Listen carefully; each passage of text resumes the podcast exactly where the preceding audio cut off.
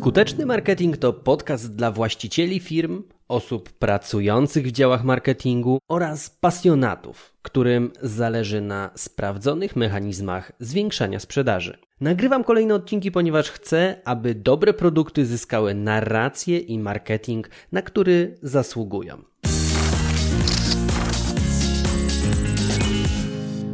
Złote zasady ustawiania reklam na Facebooku nie tylko dla zaawansowanych. I tu już na samym starcie taki mały disclaimer. Nie radzę słuchać tego odcinka w aucie, w trakcie biegania czy w jakiejkolwiek innej formie, która wyklucza możliwość notowania. Będzie sporo bardzo konkretnych informacji i zapraszam do tego odcinka. A reklama na Facebooku to mój ulubiony obszar marketingu. Przeprowadziłem wiele szkoleń z tego obszaru, audytowałem setki kont i uruchamiałem dziesiątki tysięcy kampanii. Oto 10 wniosków, na które najczęściej zwracam uwagę, jeżeli chodzi właśnie o reklamę na Facebooku. Jak to zrobić dobrze, jak sobie te rzeczy poukładać, jak podejść do tego w sposób systemowy. Pierwsza rzecz, na którą zwracam uwagę i pierwszy taki wniosek, to jest to, żeby koniecznie zbierać ciasteczka. Nawet jeżeli nie planujesz ich od razu użyć, nie planujesz od razu uruchamiać reklam tak zwanych remarketingowych, to już miej pixel na stronie, który będzie to zbierał, będzie sprawdzał, kto po tej stronie się porusza i co tam wykonuje. Jeżeli uruchomisz ten pixel za późno, to później trzeba będzie czekać, aż uzbiera się odpowiednia liczba osób do remarketingu. W przypadku Facebooka jest to minimum 100 osób, natomiast te 1000 to już jest pewien obraz, który przedstawia jakąś reprezentację Twojej grupy docelowej, więc jak najszybciej ustawiaj pixel na Twojej stronie internetowej i utwórz sobie również bazy niestandardowych grup odbiorców, osób, które były zaangażowane na Twoim fanpage'u, na Twoim Instagramie, w Twoich bazach mailowych. Po prostu uruchom to, żeby już te wszystkie grupy się zbierały. Punkt drugi, drugi tutaj wniosek, to jest to, żeby tworzyć precyzyjne nazwy kampanii. Ostatnio audytowałem taką kampanię, takie konto właściwie, gdzie były same kampanie, które się nazywały tak samo. No i w końcu pytając właściciela tego konta, co jest gdzie i co robi która kampania, no nie było to jasne i trzeba było się domyślać, gdzieś tam dogrzebywać w tych kontach, co, gdzie, jak się dzieje. Więc precyzyjne nazewnictwo jest istotne, kiedy to konto zaczyna rosnąć i masz coraz więcej różnych typów kampanii, aby jasno i konkretnie wiedzieć, która kampania co robi, gdzie kieruje, no i w jakim celu jest ustawiona. Punkt trzeci z wniosków na mojej liście to jest to, żeby koniecznie używać grup look-alike, czyli ludzi podobnych do Twoich aktualnych grup remarketingowych. Czyli w pierwszym punkcie mówiłem o zbieraniu ciasteczek, a teraz my możemy odpalić taką funkcję na Facebooku, która na podstawie tych ludzi, którzy byli najbardziej zaangażowani, albo tych, którzy nawet kupili, bo z CRM-u wyciągamy bazę e-maili i telefonów, wgrywamy to do Facebooka i możemy stworzyć na podstawie najlepszych, najbardziej dopasowanych profili odbiorców, którzy są na Facebooku i są podobni do naszych aktualnych klientów. I to daje, jak się pewnie domyślasz, olbrzymią przewagę. Po prostu opłaca się za zastosować e, taki manewr, czyli wgrać swoją bazę klientów i na tej podstawie powiedzieć Facebookowi, że chcesz dotrzeć do maksymalnie podobnych ludzi do Twoich aktualnych odbiorców. Punkt czwarty, na który zwracam uwagę, to jest to, żeby nie wysyłać tych samych komunikatów do wszystkich grup remarketingowych. Przygotuj sobie inną treść do osób, które na przykład porzuciły koszyk, jeżeli zajmujesz się e-commerce'em, a inną do tych osób, którzy tylko przeglądali produkty. No, nie powinno się wysyłać do wszystkich tego samego, bo są to czasami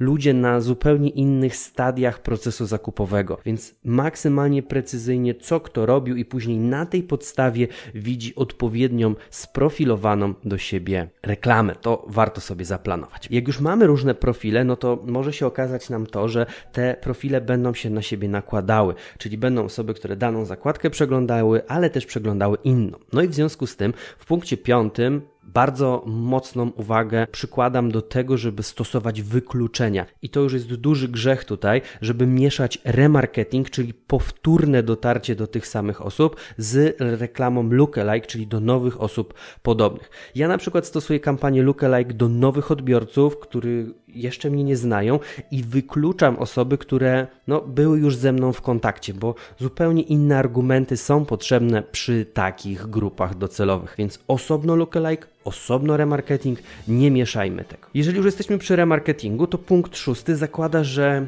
bardzo łatwo i pewnie się o tym przekonasz nieraz odpalając e, kampanię na mniejszych kontach reklamowych przy mniejszym budżecie, łatwo jest przepalić kreację. Czymże jest przepalenie kreacji? No tworzysz piękną grafikę, tworzysz piękne nagłówki, tworzysz piękne teksty, no ale to się opatrzy odbiorcom i nastąpi efekt tak zwanej ślepoty banerowej, czyli ludzie nie będą tego dostrzegać. No nie dopuść do tego, aby klient po wejściu na Twoją stronę. Widział Twoje reklamy 1500, 123, 4 razy dziennie, no i żeby uniknąć tej sytuacji, takie sprytne rozwiązanie, które możesz u siebie zastosować przy mniejszych grupach remarketingowych, to jest to, żeby każdego dnia przygotować sobie inną reklamę z innym komunikatem, no i wtedy nawet jak to są ci sami odbiorcy, to oni widzą różne reklamy i w związku z tym no, cały czas możesz ich angażować. Punkt siódmy, też y, czasami tutaj jest totalna pomyłka, jeżeli chodzi o konfigurację konta, są w ogóle nieustawione cele reklamowe. Ważne, i ultra ważne jest to, żeby ustawić sobie cel.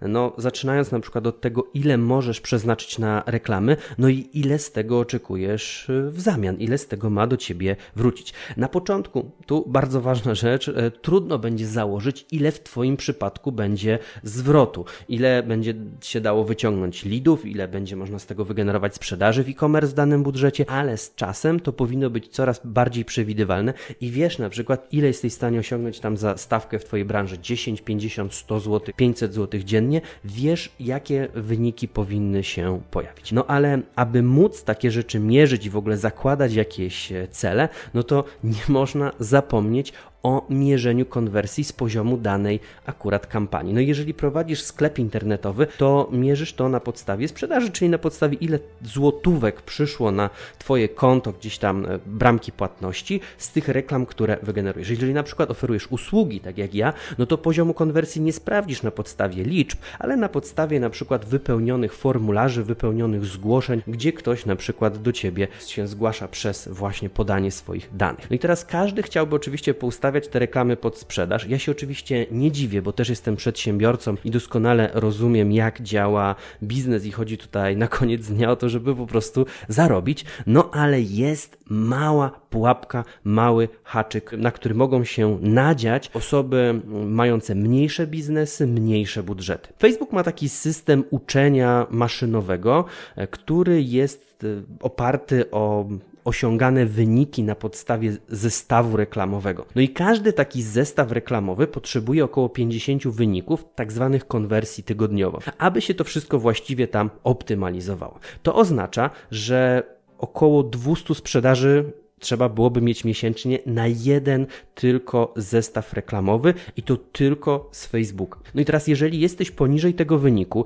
a ustawiasz reklamę właśnie pod sprzedaż, to może się okazać, że ten mechanizm w zupełnie zły sposób dobiera ci grupę docelową, no bo ma za mało danych, żeby podejmować właściwe decyzje. Podejmuje decyzje na podstawie jakiegoś tam fragmentu, który jest niereprezentatywny. No i warto w tym układzie ustawić sobie właściwy cel do wielkości, do skali biznesu, do skali tego procesu proces uczenia się, na przykład zamiast sprzedaż, to ustawić sobie dodanie produktu do koszyka, albo nawet jeszcze mniej ustawić sobie samo wejście na kartę produktową i e, w ten sposób optymalizować reklamę i to też może przekładać się na sprzedaż. Natomiast mechanizm zliczający no będzie zwracał uwagę na tak zwane inne zdarzenia. Ja wiem, że to jest zaawansowana kwestia, ale etyka zawodowa nakazuje mi o tym wspomnieć, jeżeli mówimy o reklamie z Facebooka, która sprzedaje. No i mówimy o tym dopinaniu sprzedaży. Tutaj dziewiąty wniosek. Warto e, na etapie właśnie tego domykania konwersji zobaczyć sobie skąd pochodzą transakcje. Czy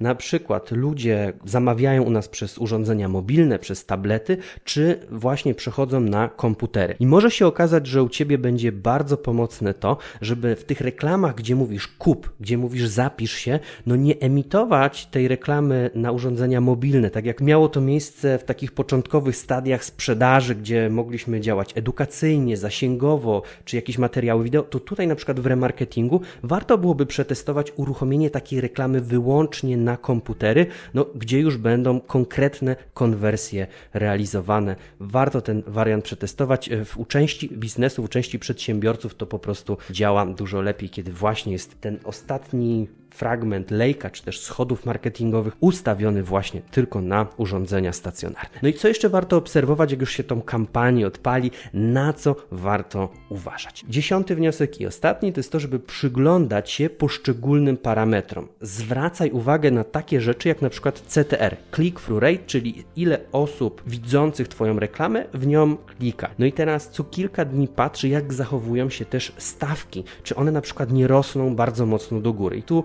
znowu kampanie przy małych grupach docelowych lub przy małych budżetach lubią się zapętlać i wciąż do tych samych osób docierać. No i w związku z tym pojawia się ślepota banerowa i trzeba albo zmienić strategię budżetową, żeby ten budżet był większy, żeby dotrzeć szerzej, albo tworzyć nowe kreacje reklamowe i zastanawiać się, jak do tych samych ludzi dotrzeć w inny sposób. Wiem, że sporo tego jest jak na 10 minut e, słuchania, ale moim celem jest to, żeby popatrzeć trochę szerzej na reklamy niż tylko przez pryzmat przycisku Promuj Post. Liczę na to, że po wysłuchaniu tego odcinka rozszerzy się Twój sposób patrzenia na marketing. Tymczasem słuchaj, wdrażaj i zarabiaj. Ja trzymam za Ciebie kciuki.